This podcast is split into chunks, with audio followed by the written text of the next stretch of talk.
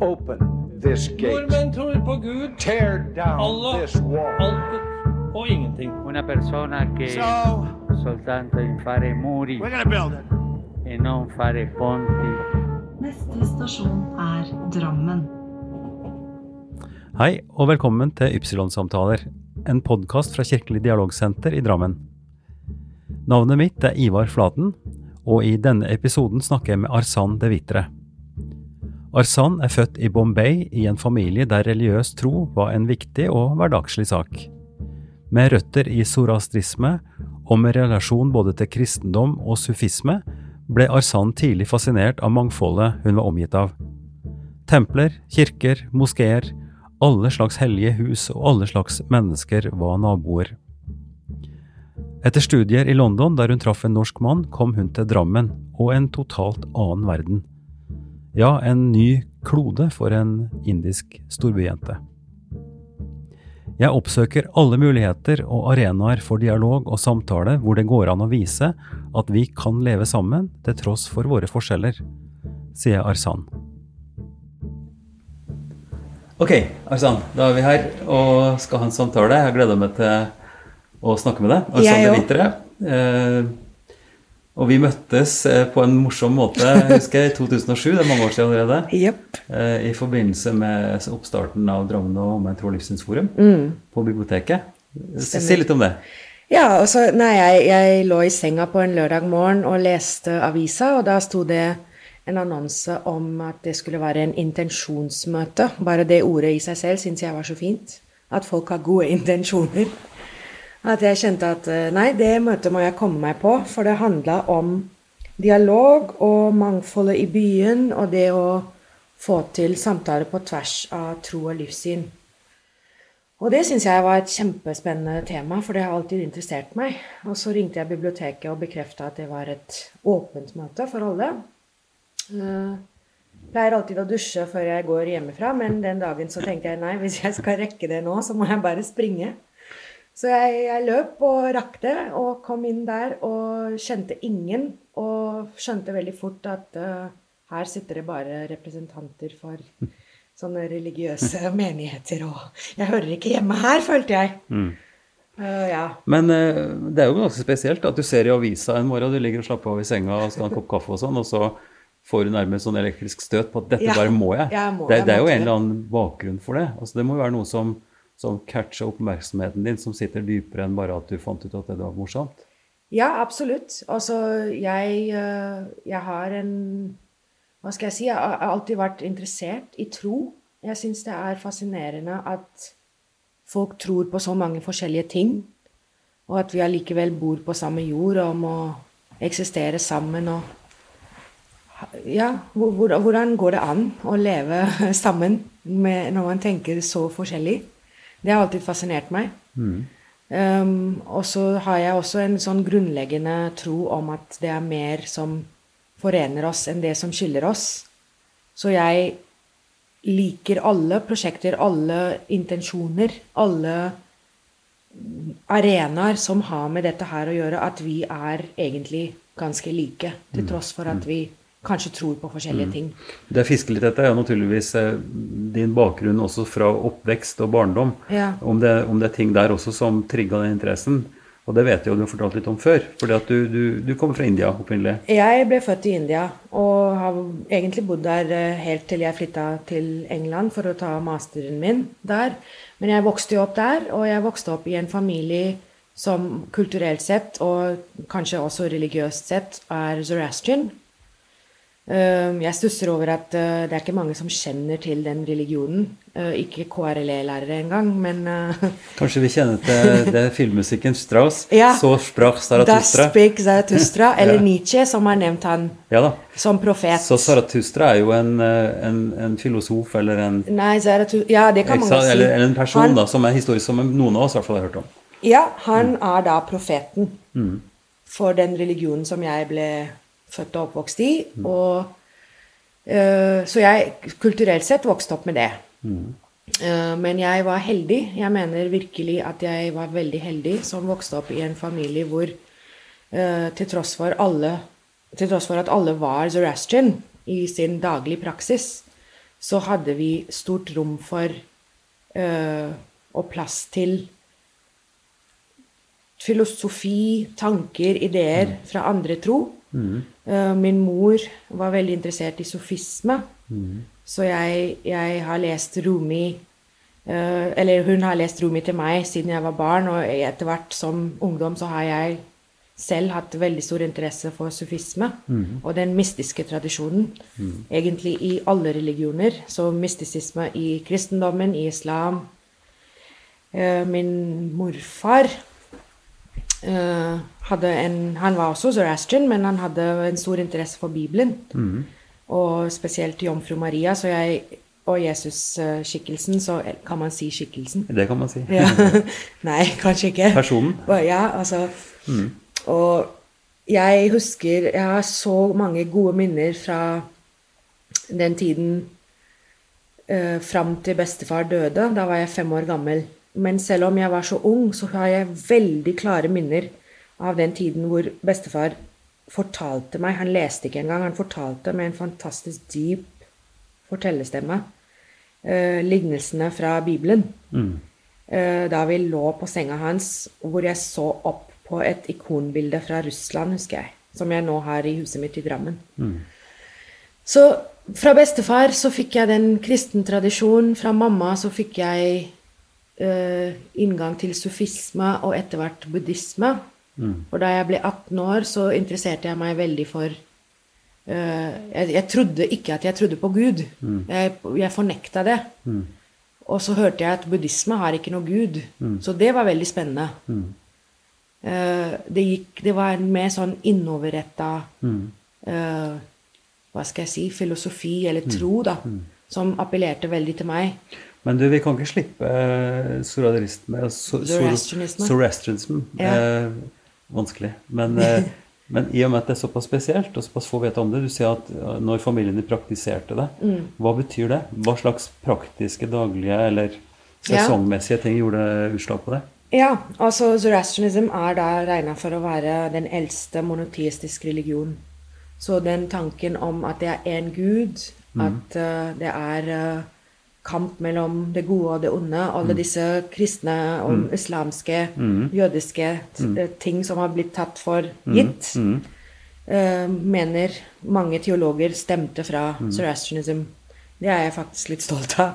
Det er, kult, man- det er kult, og teologi er vi interessert i, men hvis du tenker helt praktisk, Ja, hva, slags praktisk. Ut, hva slags utslag gjorde det på Um, dagliglivet? altså, uh, Zoroastrianism har tro på elementene. Man skal ære jorda. Uh, vind, vann, luft, jord, ild og ether, som er uh, Eter. Ja, er, er det Kan man jo, det er et begrep. Det er nok det er nok ikke veldig mange som har noe forhold til det, men Nei, det var en tanke om at det er et stoff som er usynlig, men som, som er på Ja, en men ikke av som et kjemisk stoff, da. Nei, nei, nei. Som et åndelig stoff. som et slags åndelig stoff. Ja. Ja. Mystisk, Så- kreativt mystisk. Ja. Så det er veldig stor fokus på Altså, vi snakker veldig mye om miljøbevissthet og eh, det med klima i dag. Men jeg vil påstå at zoroastrianism var eh, en sånn skikkelig eh, fyrtårn. Eller er en skikkelig fyrtårn når det gjelder det med miljøbevissthet og det å ha stor respekt for elementene. Vi har faktisk en kalender som følger en uh, lunar Ja, eh, måne- månekalender. Ja. Ikke den gregorianske sol, uh, solkalender. Og da har vi dager for ild, for vann, for å sette pris på forskjellige dyr. Vi har- Leser dere tekster da, eller gjør dere bestemte rituelle ting? Eller bare sånn ja, også den hellige boka, eller skriftene, heter Avesta. Og Avesta er også et eget språk. Mm. Uh, uh, som blir snakket fortsatt i Iran, i deler av Iran. For zoroastrianism oppsto i det som het Persia. Det persiske riket, som i dag er Iran. Så det er et eget språk, det er uh, eget skrift. Eh, jeg forstår ikke det språket, og vi lærte ikke det språket. Men bøndene er på det språket. Så jeg har bedt på det språket og blitt fortalt hva bøndene betyr. Det er selvfølgelig oversettelser både på engelsk og andre språk. Så jeg har vokst opp med de bøndene som jeg kan utenat den dag i dag. Og som har betydd mye for meg, egentlig, gjennom hele barndommen. Men så ble, i den tradisjonen så blir man uh, det, det som vil tilsvare konfirmert, eller en konfirmasjon, i en alder av sju år. Sju. Ja, Altså før jentene får mensen, Ja. er tankegangen. Ja. Og da husker jeg Jeg gjorde det da jeg var sju, fordi det var det som alle skulle gjøre. Men i en alder av tolv så ble jeg skikkelig rebelsk. Det skulle jeg ikke ha noe av. For mine foreldre skulle ikke bestemme hva jeg skulle tro på. Og i den seremonien som heter navjot Nav betyr ni. Navros? jeg hørt Ja. Navros er nytt år, ikke sant? Navjot er en innvielse. At, du blir, at du blir At du på en måte, akkurat som i kristen konfirmasjon, at du tar til deg den troen. At du bekrefter at du er en del av det fellesskapet. Og det føltes veldig godt, for det er jo en fest, og det er en feiring, og du blir eh, midtpunktet den dagen. Men jeg husker da jeg var tolv år, altså sju, åtte, ni, ti, elleve Fem år etterpå, så kjente jeg på at dette er noe som har blitt Dette er noe som har blitt gjort med meg, ikke noe som jeg har aktivt medvirket i. Og det likte jeg ikke. Nei. Så da, i den seremonien, når man blir konfirmert, så får man en uh, maslin. Maslin er en veldig sånn tynn bomullsstoff, lignende, lignende på lin. Uh, vest som man har på kroppen, altså nærmest hjertet sitt, nærmest kroppen, huden. Og man skal gå med det, både kvinner og menn. Og en uh, kasti, altså den vesten heter sadra, og en uh, ja, hva skal man kalle det, da? En, uh, noe man har rundt livet. Som er laget av 72 tråder av lam, lamsull. Lammull? -hmm. Lammull. Og det heter kasti. Et slags belte? Ja, et slags girdle på engelsk. ja. Mm. Som man har rundt er akkurat der hvor navlen er. Mm. Rundt livet der. Og i forbindelse med det så lærer man bønnene som man gjør eller resiterer mens man har visse bevegelser, og, ta, og knyte det Et slags, rundt. et slags ritual. Ja. Og da husker jeg at jeg tok den av, Mm. begge deler, både sadra og kasti, og sa til faren min Moren min syntes det var helt greit, men faren min var litt såret. Mm. Og jeg sa at dette, dette kan jeg ikke gjøre, fordi jeg vet ikke hva det handler om. Nei.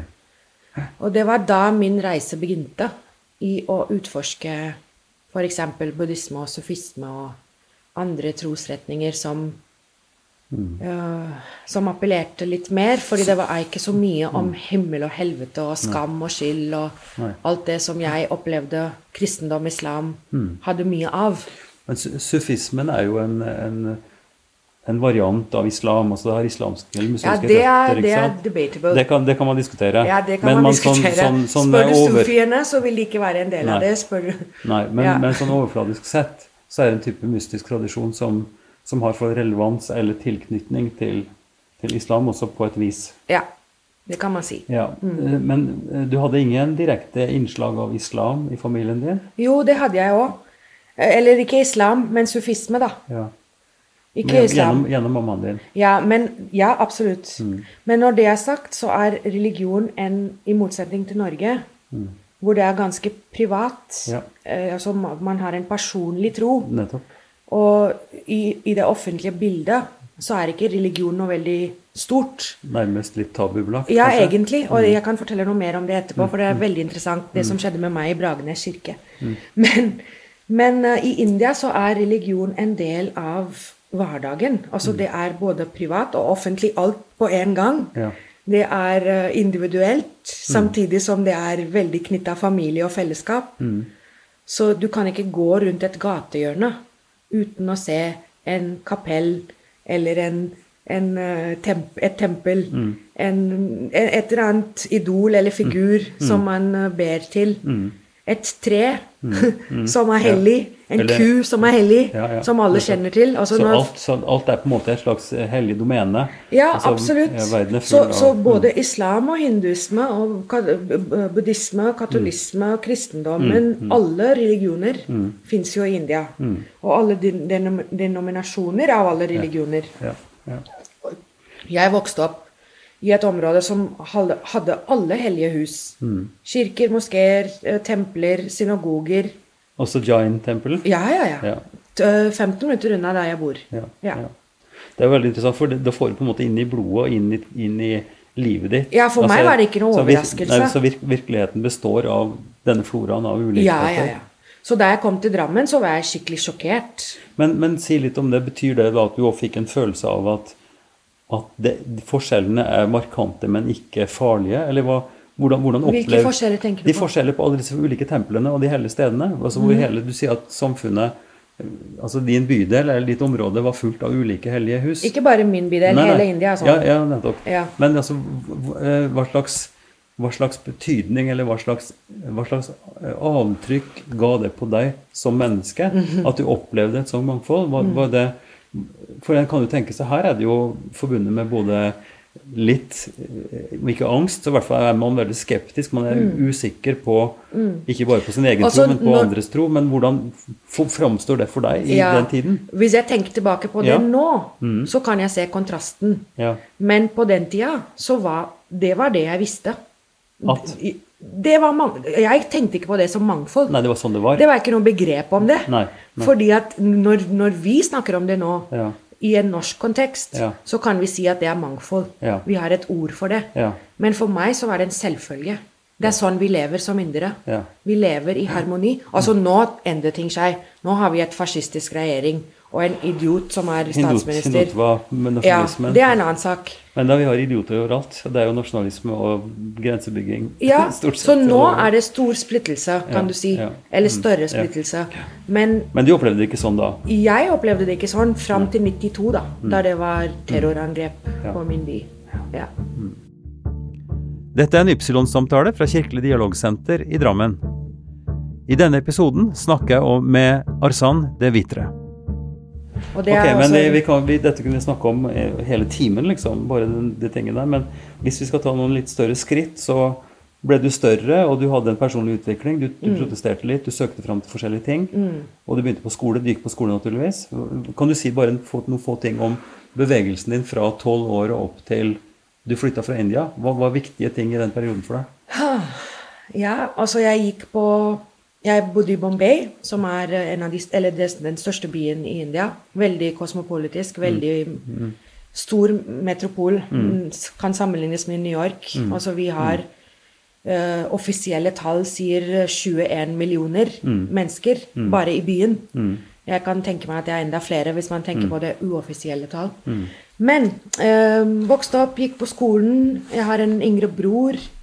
Vokste opp i familien min. Eh, jeg trivdes veldig godt på skolen. Jeg elska å gå på skolen. Jeg hadde fantastiske læreforbilder i mitt liv.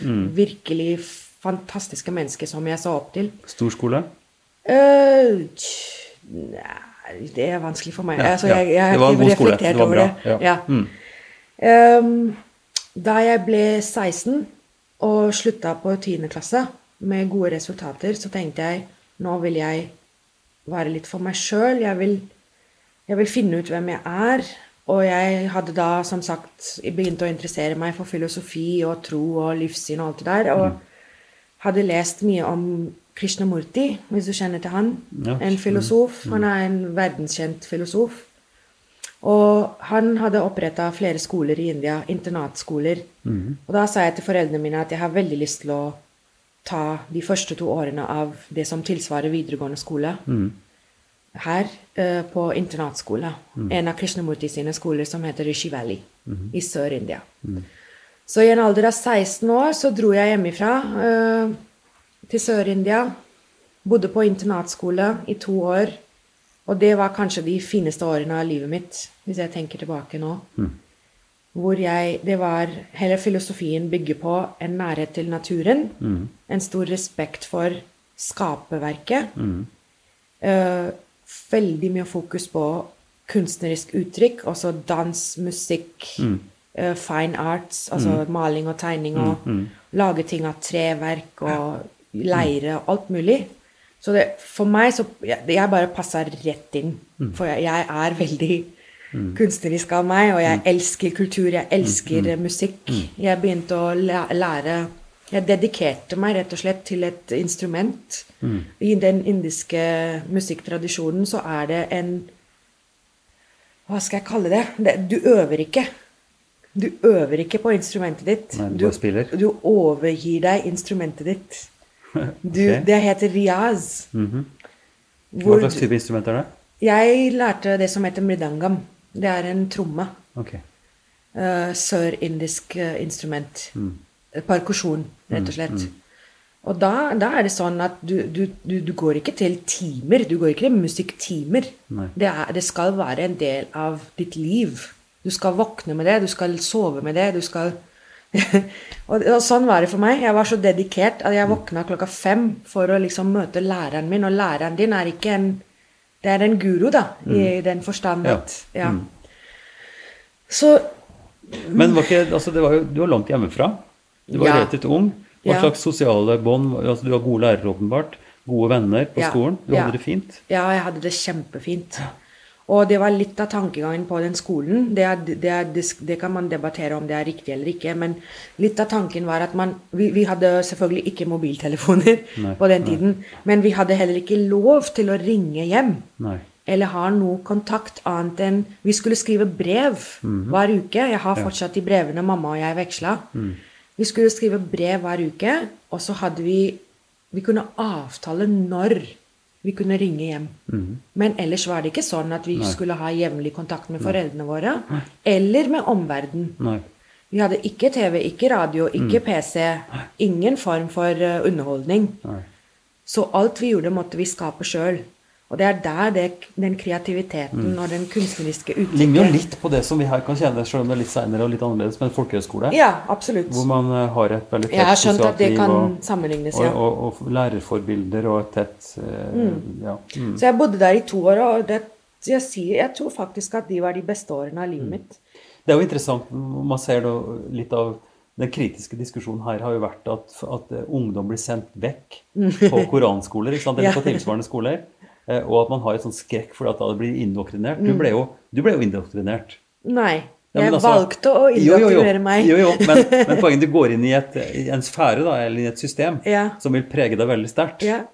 Og det er jeg glad for. Så det er jo avgjørende hva du lar deg prege av. Jeg er av. kjempeglad for at jeg ble indoktrinert, Ja. hvis du kaller det det. Nei, jeg kaller ikke det, men jeg bare sier det. Jeg prøver å finne tilsvarende ting, fordi at man har en redsel ut ifra sånn konformitetsbilde. Mm. Ikke sant? At du skal gå på en norsk offentlig skole. Mm. Eh, Du skal ikke underlegge deg ting som ikke myndighetene kan godkjenne osv. Ja, ja, Skjønner du? riktig, ja. Sånn at det, og og vi, kan jo, vi kan jo forstå det på et vis, fordi at vi hører jo Altså, vi hører jo dårlige ting. Mm. Eh, og også kristne internatskoler, misjonsinternatskoler, har jo vært skrekk, Mm. skrekkeksempler på, på misbruk og, og stygge ting. Virkelig stygge ting Mm. Ja. innenfor norsk kristen tradisjon. Sånn at det å, å, å ta barn vekk fra familie og underlegges andre voksne Ja. kan også være risikabelt. Ja, absolutt. Men din erfaring er altså totalt forskjellig. Jeg hadde en fantastisk opplevelse. Ja. Jeg bare må presisere at her var det ikke snakk om en religion Nei. sant? Nei. i seg selv. Det Men var snakk men om en et system filosofi. og en filosofi. Mm, ja. mm. Som, som hadde mye med Ja. eksempel, Hvis jeg kan tenke, trekke uh, tråder til det norske, da. Mm. Nøysomhet. Mm. Uh, Enkelhet. enkelhet. Ja. Veldig stor fokus på det. Og nærhet til, til elementene, til, Til naturen. Altså det, det samsvarer godt med det du sa om din, din Ja, religiøse bakgrunn. og det var da jeg faktisk fant tilbake til troen min. Ja. Eller den troen, Ja. ikke troen min, men den troen som jeg ble født og oppvokst i. Er, er det riktig å si at det er parsi også? Uh, Parsi er uh, betegnelsen for de folka som uh, kom Som- Som, som, ble tvangsforfulgt, holdt jeg på å si, i Iran, eller Persia. Aha. Som flykta fra Iran. Vi er flyktninger, Men, egentlig. men, men bærere av den tradisjonen? Bare av den tradisjonen. Ja, ja. Men bare de som bor i India, nå i Pakistan, Canada og selvfølgelig andre steder i Mm. verden i dag. Men pa parsi kommer fra ordet pars, som var Persia. Ja. Så de som immigrerte er eller flykta Mm, fra Persia. Okay, men altså, Vi kan ikke dvele så lenge ved hvert enkelt eh, avsnitt. Men du gikk to år der, og så fullførte du videregående, og Mm. så var det universitetsstudier. Eller dro du dro ikke ut med en gang? Jo. Ja, du dro direkte Nei, nei, unnskyld, jeg gjorde ikke det. Jeg dro hjem igjen til Bombay Mm. og tok bacheloren min i sosiologi. Jeg trodde jeg skulle ta litteratur, for jeg, Mm. engelsk var jo morsmålet mitt, og, eller er morsmålet mitt, og jeg elska å lese. Mm. Men uh, da jeg begynte på universitetet, så hadde jeg tre fag. Jeg hadde sosiologi, um, historie og litteratur. Engelsk litteratur. Mm. Og jeg endte opp med å ta sosiologi, for jeg syntes det var fascinerende. Mm. Og det henger litt sammen med min interesse for mennesker generelt. Ja, samfunn. ja. Mm. Så Nei, jeg, men, eh, men, men bevegelsen er jo interessant, da, for det er Mobay, og så er det familien din som har det eh, religiøse og kulturelle bakgrunnen som du snakka om. Eh, og så drar du jo også da eh, ut. Du drar til London. Mm. Eh, og det er også linken til Norge, for der traff du en som brakte deg hit. Ja. Men, men kan du si ganske kort om det også? Altså, eh, Ja. For, for det, som er, det som er interessant for meg og for oss som vil lytte til det her, er jo også din opplevelse av å komme med den bakgrunnen din Mm. inn i det norske, inn og, og se vår bitte lille nasjon og vårt verste språk og hele livet vårt. det var et kultursjokk. Ja. Men si litt om London før du kommer til Norge. Ja. Eh, Etter bacheloren min, da var jeg 20 år eller noe sånt, 21, noe sånt, så tenkte jeg nå vil jeg ut i verden. Um, jeg hadde noen relasjoner som var vanskelig, som jeg ønsket å komme meg vekk fra. Um, jeg ville oppleve verden, uh, og jeg vil studere eh, veldig sånn Jeg vil ha tyngde i det jeg gjorde. Så jeg tenkte nå søker jeg universitetet i London, altså The University of London. Søkte flere, flere universiteter, egentlig. Kom inn på alle, og valgte da The University of London. Eh, tok Prestisjested. Mm, ja, det kan man si, men det er ikke derfor jeg valgte det. Jeg valgte Goldsmiths College, som er kjent for uh, sin vekt på art, altså uh, kultur. Ja. Film, musikk, teater, drama, poesi, fotografi. Alt som jeg var interessert i. Så tok jeg en master i medier og kommunikasjon. Eh, og etter det så Eller mens jeg studerte, så traff jeg da eh, han som etter hvert ble eh, kjæresten min, og mannen min til slutt. Og han var da fra Norge. Eller er fra Norge, han lever jo fortsatt. Eh, Så vi bestemte oss for å prøve oss litt etter vi var ferdig med studiet, med å bo i London og mm, få jobber og tjene der og være der, sånn at vi ikke var enten her i Norge, hvor han kom fra, eller hjemme i India. Vi ville liksom skape et nytt liv for oss selv. Men det gikk ikke, blant annet på grunn av disse strenge regler med visum for min del, som var inder. Og da, uh, i 2004, så gifta vi oss i India. Så min norske familie kom til India, og vi hadde et veldig fint bryllup. Jeg vil tro at det var et kultursjokk for de norske. Ja, det var det. Absolutt. Min eh, daværende svigermor gikk rundt med sånn helt rød i ansiktet. Av å, hun skjønte ikke at det kunne være så mange folk. Nei. At man liksom gikk i flokk. Hun fikk følelsen av at hun måtte gå i flokk overalt. Ja. Vi er jo vant til det, men det var ikke hun. Så det var en, sikkert en kjempekultursjokk for Men selve eh, festen også vil jeg tro var ganske annerledes enn en norsk bryllup. Ja, absolutt. Men det var et fint bryllup, eh, og jeg hadde ikke regna med at jeg skulle få visum så fort. Altså sånn familiegjenforening med han som var mannen min da. Um, men jeg fikk det veldig, veldig raskt, etter to uker eller noe sånt. Og da var det like før jul, fordi vi, vi gifta oss 4. desember. Og så sier mamma ja, men det er jo jul, og jul er jo veldig viktig for uh, hans familie. Vil ikke du reise sånn at du er der til jul? Og jeg bare Jøss, nå kan jeg faktisk det. Så jeg kom til Norge 24. desember, altså julaften 2004. Det er veldig spesielt, det òg.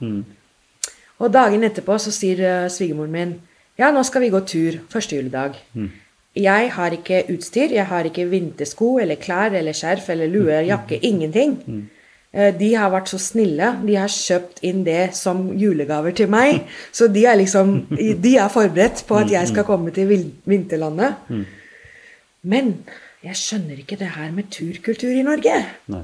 Fordi jeg spør hvor skal vi? Jeg ser at det er snø opp til vinduskarmen. Altså langt opp på kneet mitt. Jeg, jeg har ikke gått i, i sånne forhold før. Nei. Jeg er helt i sjokk. Hvor skal vi gå, liksom? Og hvorfor? Når det er så kaldt ute. Kan vi ikke sitte inne og kose oss ved peisen, liksom? Nei, vi skulle gå tur. Og det var min første opplevelse av norsk vinterlandskap, da. Hvor vi gikk tur uten mål og mening. Eller det som jeg da tenkte var uten mål og mening. Nå setter jeg veldig stor pris på det det. er vår type sufisme. Det er vår type Ja, absolutt. Det er sånn Ut i Og da gikk vi, og jeg spurte flere ganger hvor vi skulle, men vi skulle faktisk ingen sted. Skulle, det var ikke noe mål for turen. Vi skulle bare gå i skogen. Og det gjorde vi. det var kjempefint. Så det var mitt uh, møte med Norge, ja. Dette er en Ypsilon-samtale fra Kirkelig dialogsenter i Drammen. I denne episoden snakker jeg med Arsan de Vitre. Nei, det er klart det er et ganske Det er jo et heftig skifte fra London til Norge òg. Altså storbyen London. ja. Jeg hadde bodd hjemme et år, da. Som er, lit, som er jo liten i forhold til Bombay, da, kan Ja. man si. London. Og ikke minst Drammen, som er enda mindre. Ja. Men det som er artig, er første mannen jeg ser når jeg åpner vinduet på åssiden og ser ut vinduet, så ser jeg en mann, og jeg bare tenker Hæ, hvor er jeg? Fordi han gikk i typisk indisk stil med turban på hodet. Og så en sikh mann Ja. i Drammen på åssida Ja. med hvite joggesko. Og jeg bare tenkte Hæ, hvor er jeg? Det var surrealistisk Ja. å se. Så Men du, du så en sikh en, en sikh- mann i Drammen, og da kjente jeg Ikke en ok, syk mann, men en, en sikh. En mannlig sikh, sikh. S-I-K-H. Og da kjente jeg ok, det er faktisk folk av mitt slag her òg. Mm. Og jeg kjente at ok, jeg kan etter hvert sikkert føle meg hjemme her. Ja, Og det gjør jeg nå. Men eh, altså, julaften og norsk julefeiring og vandring i skogen uten mål og mening eh, er jo interessante fenomen. Men, men det som er enda mer interessant, tenker jeg, det er jo møtet med den norske eh, levemåten eh, kontra det som du nettopp beskrev i India, med, med normalitet som et, et, etter våre begreper et ekstremt og forvirrende mangfold. Ikke sant? Hvor folk tror og mener vilt forskjellige ting, men er, bor i samme nabolag. Mens vi har et, etter norsk tradisjon en slags fornemmelse av at, at det er en likhet. Altså menneskene har en tenker stort sett innenfor de samme rammene. Mm, ikke nå lenger, kanskje. Ikke nå lenger, men altså det har vært, når man snakker om det norske eller, eller å være norsk og sånn, så er jo det prega av at vi har hundrevis av år med en dominerende Ganske nokså homogent nok så homogent samfunn. eh, folkeslag. Og uh, sjøl om det naturligvis også er en forferdelig forenkling, for folk er jo veldig forskjellige naturligvis også. Mm. Men, men når det kommer til det med, med, med tro og religion og, og tilhørighet til ulike tankeretninger, så er jo det ganske fremmed for, for en norsk tradisjon. Og det ser vi jo veldig tydelig utslag av, at, at, det, at det er veldig stor skepsis og uro Mm. overfor for de som er annerledes, for en har en fornemmelse av at de kommer for å Ta oss. for å ta oss nærmest, eller for å på en måte i hvert fall påvirke oss i en retning som vi er usikre på om vi vil. Ja. eh, For å si det litt forsiktig. Ja. Ja. ja. Så, så hva tenker altså den, Dette den har jeg tenkt mye på. Ja. mhm. Og det er litt interessant, fordi Mm. i India så tenkte jeg aldri over, som jeg sa i stad, Mm. at dette var mangfold. For meg er det landsmennene våre. Mm. Og vi er forskjellige, og jeg tenkte, ikke, jeg tenkte ikke noe mer over det. Og det er et faktum at jeg møtte verden for første gang da jeg flytta til London og så det internasjonale. Mm. Fordi i Bombay så er det Det er selvfølgelig mange turister, Mm. og det er mange utlendinger. Men jeg kjente ikke den verden av utlendinger som bodde der. Nei. For meg var de turister. Jeg så ikke på dem som en del av oss. Nei. Men da jeg kom til London, så så jeg herregud, her er det et mangfold. Og når jeg kom til Norge, så var det for første gang faktisk at jeg kanskje snakka med, eller hadde med folk fra andre nasjoner å gjøre. Ja. Det var ikke i India. Nei. Det var i Norge. Og det har jeg tenkt mye på. For, for, for i India så var mang, mangfoldet, eller det, pluralistiske, eller mangfoldet var indisk. Ja, stort sett. Per Altså i min ungdomsverden, Ja, da. mm, Det var sikkert ikke det for de voksne, men for meg i skoletida og sånn, så var det ja. Mm. Men det var på en måte implisitt, på samme måte som vi tenker at vi er like. ja. Så var det implisitt at sånn er det. Men si litt mer om det, altså at du oppfatta, eller du så liksom Ble konfrontert med det som var annerledes. ved at I Norge. I Norge. Og det var veldig spennende for meg. Ja, få høre. For jeg, jeg måtte jo lære norsk. Mm.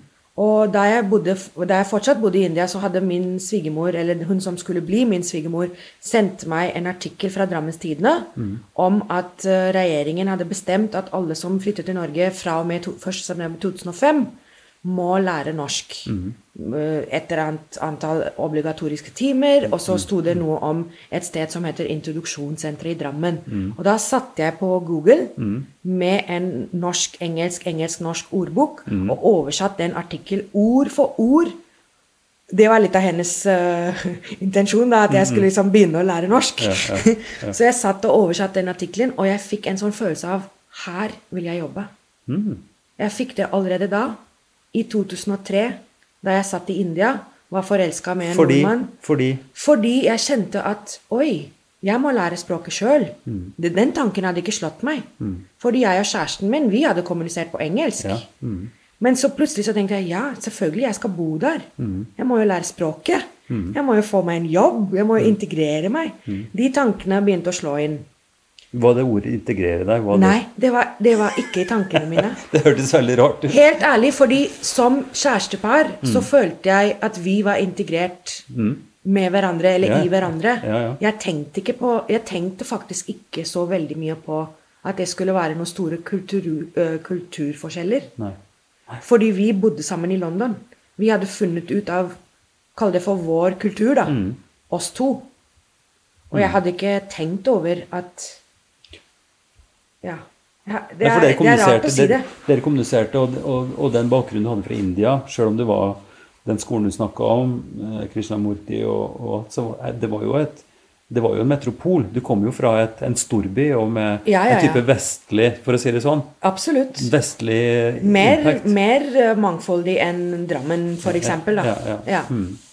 Men eh, ja, ok, så Men den attraksjonen du følte ved å lese om introsenteret ved hjelp av Google eh, Not Translator Eller den artikkelen da, Ja, som ja, ja, ja. svigermor sendte Ja. meg i Drammens Tidende. Hva var det som fanga deg i det? Hva var det som gjorde at det var interessant? Altså Som student i London så hadde jeg jo møtt og studert sammen med folk fra hele verden. Mm.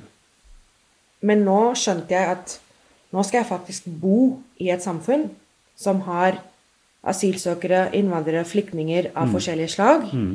Og jeg skal faktisk gå på en skole eller et senter for å lære språk sammen med dem.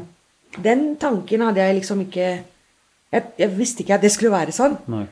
Og det var veldig interessant. Mm. At jeg måtte finne meg i en situasjon hvor jeg visste ingenting. Mm. Hvor jeg måtte tilegne meg alt. Starte på scratch, på Starte måte. på scratch. Mm. Og da Veldig kort tid etter at jeg begynte på introduksjonssenteret, så husker jeg den følelsen av at så mye som jeg har fått her, Mm. så mye som jeg har lært, og de fantastiske lærerne jeg hadde, spesielt Elisabeth Smith, som jeg vil takke, Mm.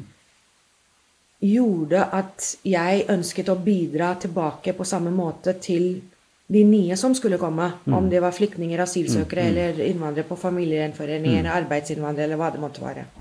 Jeg bare kjente en, en trang for at jeg har fått så mye. Mm. Jeg må gi noe tilbake. Mm. Og jeg tror den tanken kom i meg fordi at jeg så f.eks. Jeg hadde en kinesisk øh, øh, Hva heter det medstudent i London. Hun kunne lite engelsk. Men hun fikk ingen hjelp Nei. til å lære seg engelsk. Nei. Og da tenkte jeg så mye vi får av den norske staten. Vi får gratis, øh, gratis norskundervisning. Mm. De som er flyktninger, blir bosatt. Altså de får en bolig. De får en Kall det for en lønn, altså introduksjonsstønad. Jeg var helt overveldet av at det gikk an å være i et land som uh, da, i hvert fall, var så uh, Tok imot, da. Så du har, du har erfaring av å komme utafra og oppdage dette rare landet med de rare vanene Jeg har ikke sagt rar, Ivar. Nei, nei, men altså, det ligger jo i kortet her at det er jo, det er jo relativt spesielt, og det er veldig annerledes, da. Ja, du, du må tilpasse deg en annen type liv og annen type stil.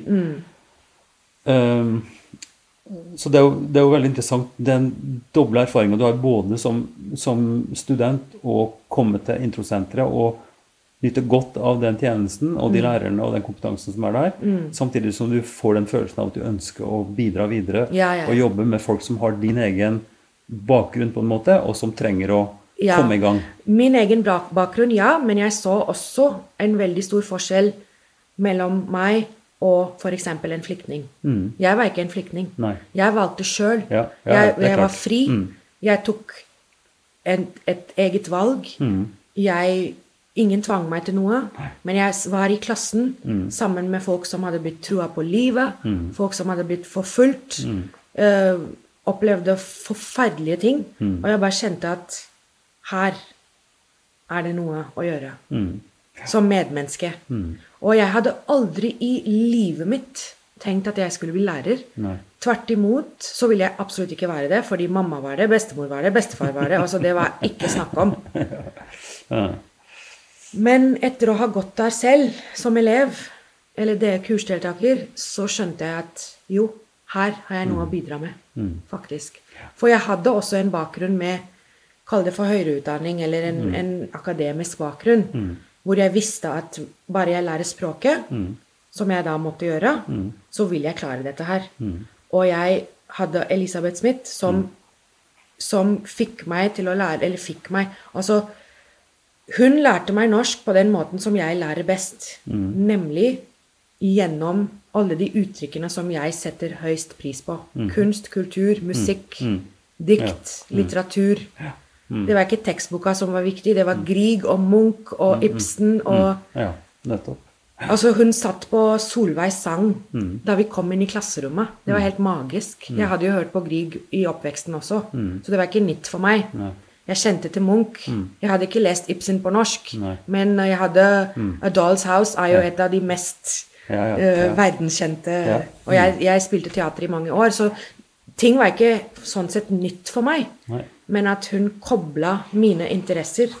Det er jo en veldig rørende og, og, og fin historie, og vi vet jo, hører jo nå når du sitter her og snakker og forteller, at du har jobba nå i mange år på Introsenteret og er en viktig del av, av Introsenteret og har blitt også gjennom mange prosjekter eh, aktiv i- på kulturfronten i, i Drammen. Men vi har ikke mange minuttene igjen, så jeg har ikke lyst til å dvele så mye ved det. Men, men jeg har lyst til at, at du skal Om vi skulle tillate oss å være litt kritiske.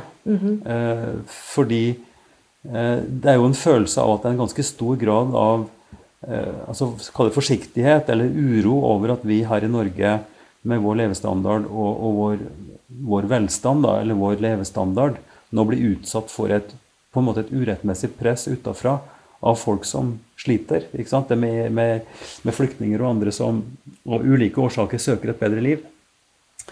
Og, og, og det politiske skal vi heller ikke diskutere så mye og snakke så mye om. Men hva er følelsene dine rundt Hvis du nå tenker som Du er jo på en måte kosmopolit. Ikke sant? Du, har, du har bakgrunn fra India, du kjenner London, du har bodd i Norge lenge. Hva er på en måte vår oppgave? Hva tenker du hvis vi skal ta litt store tanker på det? Ja. Hva er vår oppgave i Drammen som et slags min, verdensminiatyr? Ja. For her har vi Vi har, har vårt beste, over 100 land her. vi har vår veldig lille, trygge by. ikke sant? Vi har eh, relativt bra velstand, vi har gode systemer på skole. Vi har det veldig bra. Men hvordan kan vi Hva tenker du om det? Altså, Hva er vår mission, da? Ja. Mm. Det er et godt og vanskelig spørsmål. Mm.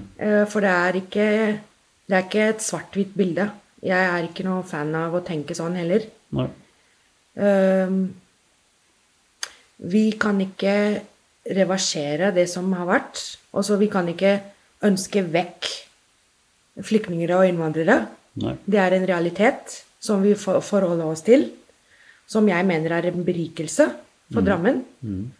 Um, det jeg er opptatt av, og det har jeg vært opptatt av nå i de 15 årene jeg har jobba på introduksjonssenteret og med prosjekter som Drammen Sacred Music Festival og Drammen og, tro, nei, Drammen og Omegn tro- og livssynsforum, er den um, viljen til å kunne leve sammen til tross for alle disse forskjellene.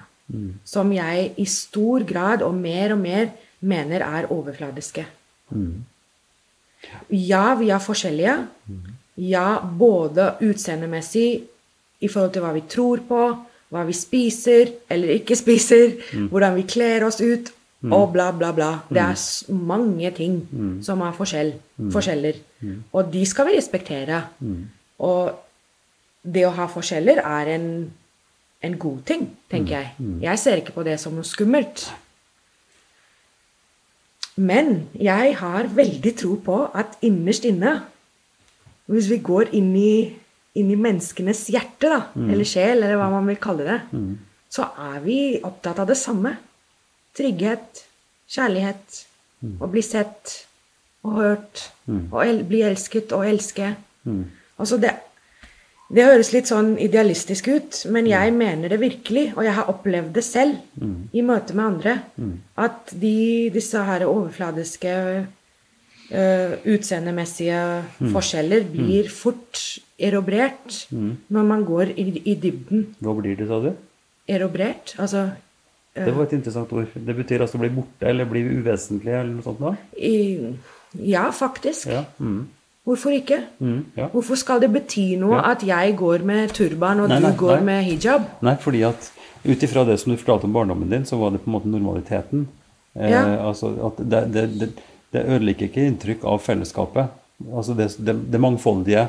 Ja. Eh, Også min, en av mine nærmeste venninner, Signe, hun Mm. er kristen, hun er diakon. Vi har diskutert tro og tvil, for tvil er veldig viktig for meg, Mm, ja. I timevis. Og vi er ikke enige om alt. Overhodet. Ikke bare er vi ikke enige, men vi vet ikke hva vi Kanskje vi vet ikke, og det er helt greit. Jeg syns det er helt greit å ikke vite. Og å si 'det vet jeg ikke'. Det er jeg fortsatt i prosess med. Istedenfor å være så bastant og ha så mange påstander og mene så mye om alt mulig. Hvorfor kan vi ikke bare være i en undrende, utforskende eh, møte med andre mennesker? Dette er en Ypsilon-samtale fra Kirkelig dialogsenter i Drammen. I denne episoden snakker jeg med Arsan de Vitre. Arsan, eh, helt tidlig i samtalen vår så, så sa du noe om Bragernes kirke, som du vil komme tilbake til. Hva var Ja. det for noe? Eh, Det var en eh, veldig morsom episode. Mhm. Jeg var ny i Drammen og eh, hadde ikke fått plass på norskkurs ennå. Eh, måtte finne på ting å gjøre på egen hånd på dagtid. Mm. Og jeg bodde i Steses gate i Nybyen. Okay. Og da gikk jeg over bybroa og så den flotte kirken, eh, Bragernes kirke, eh, på Torvet. Og tenkte jeg for, for meg er det helt naturlig å gå inn i alle gudshus. Mm. Og jeg syns det så så vakkert ut at jeg eh, gikk opp til døra og prøvde å åpne den, og så klarte ikke jeg å åpne den. Så tenkte jeg ja ja, det er bare en sånn veldig tung, gammel tredør. Mm. Så jeg prøvde, jeg ga litt mer gass. Eh, Men så klarte jeg ikke å åpne den, og plutselig så hører jeg at noen roper på meg på norsk, som jeg da på den tiden ikke forsto. Ja. Eh, Så skjønte jeg at jeg gjør noe galt her. Så jeg bare, jeg bare beklaga på engelsk og prøvde å forklare at jeg vil bare komme inn i kirka og besøke kirken, og så sa de ja, men det kan du ikke gjøre, for det er jo stengt. um, litt sånn strengt. Og så Dette har jeg aldri opplevd før. Jeg har aldri opplevd at et gudshus er stengt. For i India så kan man besøke både templer og moskeer og kirker og kapeller når man vil, nesten. Så for meg så var det et sjokk, så jeg bare tenkte at nå skal jeg forklare, sånn at de ikke tror at jeg er noe kriminelt eller en sånn rar innvandrer som prøver å komme inn og stjele noe sølv fra kirka. Så fortalte jeg hvordan det er i India, og da ble kirkeverten veldig nysgjerrig, heldigvis. Og syntes det var veldig interessant, da, at, eh, at det var sånn. Og at jeg som da ikke var kristen, oppsøkte kirken. Så hun var veldig, veldig snill, og hun åpna kirken og tok meg inn og viste meg, og jeg var bare Det er så vakkert inni Bragernes kirke. Så det var en veldig, veldig fin opplevelse, og jeg tror både for henne og for meg. For vi, vi fikk et sånt møte der, et mellommenneskelig møte, Mm. som, ja, som vi har snakket om i denne samtalen nå, som er så viktig for meg, da. Men, men samtidig så illustrerer det et interessant poeng, en interessant forskjell på din bakgrunn Mhm. eh, i forhold til Norge, der du snakker om ditt nabolag, hvor du ikke kunne gå mange meter på gata før du enten traff et jain-tempel eller et hindutempel eller Ja. en moské eller en kirke, Ja. og hvor du beskriver alt dette som ditt eget og som dine egne. Mm. Altså ikke et mangfold, ikke forskjellighet. Nei. Også, Eller jeg, jeg har ikke tenkt på de begrepene. Nei, nei. nei men, men altså eh, en slags avslappethet i hvert fall, og en, en følelse av at dette er helt som det skal være. Naturlig. Og så kommer du til Bragernes kirke, som er den største kirka i majoritetstrossamfunnet i Norge, og så er den stengt. Ja. Og du blir på en måte mistenkeliggjort for et eller annet når du har lyst til å komme Jeg tror ikke jeg ble mistenkeliggjort, men jeg var redd for Jeg vil, jeg vil, jeg vil liksom avklare. Ja, men, men det altså grunnen til at jeg eh, sier dette her, det er jo for å kanskje oppfordre deg til, til å kunne si noe om hva du tenker om disse forskjellene. For du har også sagt at når du kom til Norge, så ble du bevisst Det var første gangen du møtte mangfold, på en måte. Ja, det var det. Og det er jo et paradoks. Mm. Si noe om det. Um, først vil jeg bare si at den, det som skjedde med meg i, i Bragernes kirke da, var på en måte starten for noe jeg seinere sa på et møte, hvor jeg sa at jeg skulle ønske at gudshusene var åpne, og nå er, har faktisk Bragernes kirke åpen flere ganger i uka. Ja, det, det er en stor suksess, faktisk. Så Det de har en er- 6000-7000 mennesker Ja, hvert og det er så fint. Og jeg, jeg benytter meg av det tilbudet. Og jeg har også hatt faren min her på besøk, og han, vi har vært om, uh, på omvisning Mm. på engelsk. Han er arkitekt, så han er interessert i sånt. Ja. Så det, det syns jeg var en veldig positiv uh, uh, utvikling, da. Mm. Det må jeg bare si. Når det gjelder mangfold, um, som jeg sa tidligere, så har jeg aldri tenkt på det som et eh, noe unaturlig. Eller jeg, har- jeg har ikke hatt det begrepet, rett og slett, før jeg kom til Norge. Mm. Mm, jeg veit egentlig ikke hva Hva er det du egentlig ønsker at Nei, jeg, jeg jeg tenker på, på dialogprosjektene våre og følelsen av at vi må prøve å bygge fellesskap på tvers og sånn. Ja. Eh, altså at det er en ambisjon om å bygge de broene som i mitt hode da, oppfattes fra India som det normale. Mm, Ikke sant? Hvor man aksepterer med lave skuldre forskjellene, yeah. og hverandre som indere. Yeah. Eh, jeg syns det er et stykke vei fra den følelsen som du har gitt uttrykk for, og det vi har i Norge, yeah. hvor vi ser på hverandre som fremmede, ja. eh, Men og vi- kanskje vi- potensielt farlige også. Vi må være litt tålmodige òg, tenker jeg. For eh, innvandring til Norge begynte i full fart på 70-tallet. Mm. Og sånn historisk sett så er det ikke veldig lang tid. Og jeg har tro på mennesker. Jeg har tro på at Jeg, jeg mener ikke at vi skal bli en slags uh, melting pot, eller at vi skal være lik hverandre på noen måte. Nei. Um, det er ikke det som er målet heller. Men at man kan lære seg å leve sammen. For, for det er jo heller ikke situasjonen i India. Altså de du oppfatter som de indiske medborgere og bys eh, skal vi si naboer. Dere er jo ikke like. Altså Nei, det er nei. stor forskjell på en sadhu, eh, en, en, en hindu-vismann og en din bestefar, da, som du beskrev Absolutt. om. Eh, forskjellen ligger kanskje i at f.eks. det å feire hverandres høytider, da. Mm. Det er ikke noe som er en, en uh, unaturlig ting. Det er Nei. ikke noe som man blir bedt til av den ene. Nei. Det er helt uh, dynamisk, organisk, at alle feirer alle sine høytider, og at ikke minst offentlige skoler har eh, fri for hver eneste religionshøytid. Mm. Nå endrer det seg jo, som jeg nevnte i stad, med den regjeringen vi har hatt i flere år. Men sånn som fra min barndom, Mm. Eh, i hvert fall helt fram til 92, da det terrorangrepet skjedde, Mm. så var, så var det harmoni, vil jeg si, Ja. som var naturlig. Det var ikke tilgjort på noen måte.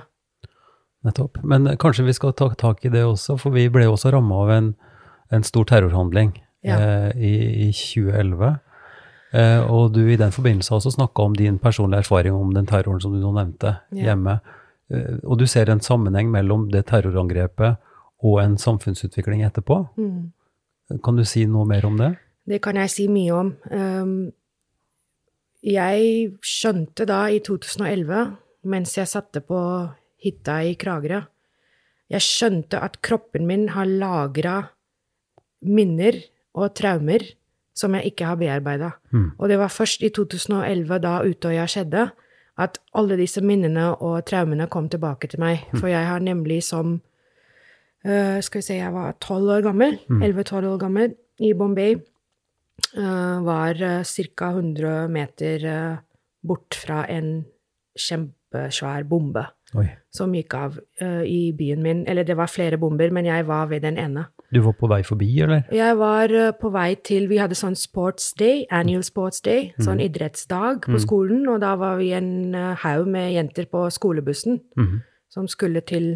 Eh, stadion. Og i det vi svingte rundt hjørnet Altså, det bygning som ble sprengt, var på andre siden av gata. Rett ovenfor der vi var. Oi, oi, oi. Så jeg mista hørsel en liten stund, og eh, sjåføren klarte ikke å kjøre mer. Og det, vi, var, vi var rett og slett i sjokk. Mm. Hva slags angrep var det? Det var um, Det er interessant, da, for det henger litt sammen med det som skjer i India nå, med den Ayodhya-saken, og at de må bygge et tempel der hvor en moské har eksistert før. Mm. Hva, Eh, Ayodhya, si litt mer om det. Hva? Ayodhya er en by i Nord-India Mhm. hvor um, uh, muslimene har en masjid, mm. altså en moské, ja. eller en, en slags moské. Mm. Um, eller hadde, for den ble jo, den ble jo ødelagt av en uh, hindu-populistisk bevegelse som mente at uh, det var et hellig sted for dem. Så det ble en sånn krangel om Ja, ja. Mm. hvem sitt helligsted det var. Og i den forbindelsen så ble den moskeen totalt uh, ero erobret. Eller ja, eller ødelagt. de demolished. Ja, ja, altså ødelagt. ødelagt Mm. av hinduene. Ja. Og som en slags, et slags svar til det, da, Mm. så var det terrorister som vi etter hvert skjønner var fra Pakistan, som bomba flere steder i Bombay, som er en by Langt unna. langt unna, men eh, som er en veldig viktig handelsby, blant Ja. annet. Og fram til da så hadde vi levd, føler jeg, da, vi hadde levd i harmoni, både hinduer og muslimer og alle andre religioner som fins, men etter det så skjedde det noe Mm. i hjembyen som var et vendepunkt, veldig kritisk. Jeg mista Eller det vil si, jeg hadde veldig gode venner som Faren deres var muslim, moren deres var parsi, og vi bodde i samme nabolag, og de måtte flykte som flyktninger, rett og slett, til Cambridge i England, fordi han var en liberal uh, tenkende muslim og ble truet på livet. Så i min barndomsverden så var dette ganske kritiske, kraftige opplevelser som jeg da ikke skjønte hvilken virkning det hadde på meg før Utøya skjedde. Før du snakker mer om Utøya, hvordan, hvordan har du sett den utviklingen videre i India? For nå vet vi jo om hindunasjonalismen og, og spenningene og Modi og, og alt det som skjer rundt der. Men hvordan har du sett den utviklingen fra den barndomsopplevelsen, den, det sjokket, og til nå? Det er komplisert, fordi på den ene siden så er jeg redd for hva som skjer med landet mitt. Jeg syns det er helt forferdelig, det som skjer nå. Samtidig så ser jeg en folkebevegelse som har så mye motstand til den fundamentalistiske tankegangen. Og at uh, ungdommen, studenter, uh, kvinner, som kanskje tradisjonelt sett ikke har hatt en så sterk stemme, kommer mer og mer ut i offentligheten og kjemper for at vi skal være det sekulære landet som står i grunnloven vår. For det står faktisk at vi er et sekulært land, og det har vi alltid vært. Det var liksom forskjellen mellom India og Pakistan, kan du si. Pakistan ble dannet som et teokratisk stat. India ble dannet som et sekulært stat etter partition i 1947. Så jeg, jeg har håp. Jeg ser at det er en folkebevegelse som gir håp, men samtidig så blir det journalister som blir drept. Det er en politistat som er voldelig, som, som setter munnkurv på folk, som slår, som Ja, det er, det er ikke en bra situasjon akkurat nå. Og, og vi kunne jo si litt om, om eh, det som da skjedde i deg personlig, som en respons på 22. juli. Eh, Det kom opp igjen, de traumene som du opplevde. og vi, det er kanskje, det er ikke sammenlignbart, men vi ser også en tendens hos oss at, at, po- at polene blir sterkere, altså at motsetningene øker Ja. mellom, mellom ulike Altså Ja, polariseringen Altså, og populismen. jeg var på hytta i Kragerø, min sommeridyll, og jeg Jeg visste jo at jeg var på en måte trygg, men jeg følte meg alt annet enn trygg i kroppen min. Jeg var full av angst. Vi hadde ikke TV, eller vi hadde radio, da, men jeg ville liksom se alt som skjedde, så jeg dro til nærmeste hotell. Og min norske familie forsto ikke helt hvorfor jeg var så besatt, nesten, av det som skjedde i Oslo og på Utøya. Men jeg fulgte med på nyheter, og jeg dro tilbake fra Kragerø. Jeg tok toget hjem aleine for å være med på gudstjenesten i Domkirken, som var dagen eller to dager etterpå, jeg husker ikke helt. Eh, fordi det gjorde et kjempeinntrykk på meg.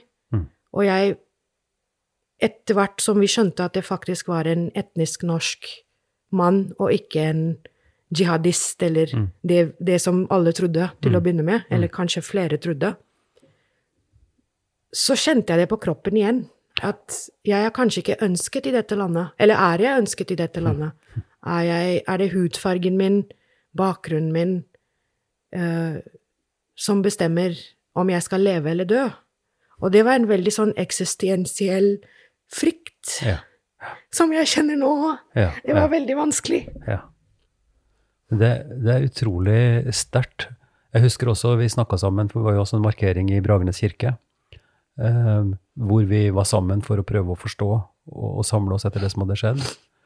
Men at, og det, og det, jeg ser det gjør, eh, at det gjør inntrykk, og at du blir berørt, veldig berørt av det nå, men det, det er på en måte rart også, fordi at du kommer jo fra et samfunn hvor motsetningene ikke var farge, men ideologi og, og religion. Ja. Angrepet i Bombay var jo et, du sier det var en hevnangrep fra jihadister eller fra pakistanske grupper som Mm. følte at de hadde blitt fått litt overlast da i Nord-India. Det som skjedde her var jo et ja, hva var det? Men det var kanskje et angrep uh, på Det var et som angrep på demokratiet. Ja, Og ja. jeg husker at jeg Men du er, jo, du er jo demokrat. Du er vestlig oppdratt. Du er fra en, en storby. øh, så, Vestlig oppdratt. Jeg er jo indisk oppdratt, men India er et demokrati. Ja, og demokrat, s- altså oppdratt i en, en type Liberal liberal forståelse Ja, av, absolutt. av verdier. Så hvorfor klikka Altså, du sier nå at du, at du lurte på om du var velkommen. Hva var det for noe? Jeg var redd, tror ja. Jeg irrasjonelt. Jeg, jeg tror det var den frykten etter uh, den bomba, det bombeangrepet som jeg selv hadde opplevd. At hadde jeg vært på andre siden av gata, så hadde jeg blitt i tusen biter. For det så jeg nemlig. Jeg så folk som føyk opp i lufta, helt svart. Ja. Lik, altså Ja. lik som brente. Ja. Jeg så det med mine egne øyne. Ja. Og jeg har etter hvert besøkt Utøya og til og med overnattet der Mm. For å prøve å bearbeide all den Ja. ja, frykten og traumene som jeg har hatt i mange år. ja. Um, jeg vet jo at jeg hører, eller jeg føler i hvert fall at jeg hører hjemme her i Norge. Mm. Um, men det er litt sånn paradoksalt det òg, fordi at de som sier 'Å, du er en av oss, du er så godt integrert', Mm. jeg tenker ja, hva hvis jeg ikke var så godt integrert? Ja. Hva hvis jeg ikke snakka norsk? Hva hvis jeg hadde hijab på meg? Ja. Hva hvis jeg ikke visste hvem Jonas Fjell var, eller ja, ja. Uh, Hvis jeg ikke hadde, hadde hørt på Grieg i barndommen min, Mm. hadde dere vært like Plutselig så sier du dere. Er det sånn? Nei, unnskyld, jeg, jeg mener ikke deg, Ivar. Du har vært uh, Nei, en men, av de men, som men det er en fornemmelse av vi og, og de. Oss og dem, ja. Ja, ja. Som jeg syns er så skummelt og og, unødvendig. som blir, og som blir en urosfaktor, på en måte. Helt eksistensielt i ja, deg. for meg er det fortsatt Det er noe som sitter i magen. Virkelig. Absolutt. Og ja, som Ja, jeg var jo rørt her i stad, men det er fordi at den traumen, den, den har ikke blitt borte. Jeg vet ikke hvor mange år det vil ta. Men jeg oppsøker alle muligheter, alle arenaer for, for dialog og samtale hvor det går an å vise at vi kan faktisk leve sammen. Til tross for våre forskjeller. Jeg tror det var punchline. Det er kjempeviktig for meg. Takk for samtalen. Tusen takk, Ivar. Det var en glede. Takk. Ypsilon-samtaler er en podkast fra Kirkelig dialogsenter Drammen. Du finner mer informasjon om oss og hva vi driver med på kddrammen.no. Hvis du ønsker å høre flere samtaler, søk på Ypsilon-samtaler på din podkast-app, eller gå til våre nettsider. Ypsilon-samtaler er støtta av Drammen kommune og Barne- og familiedepartementet. Ansvarlig utgiver er Kirkelig dialogsenter Drammen, ved daglig leder Ivar Flaten.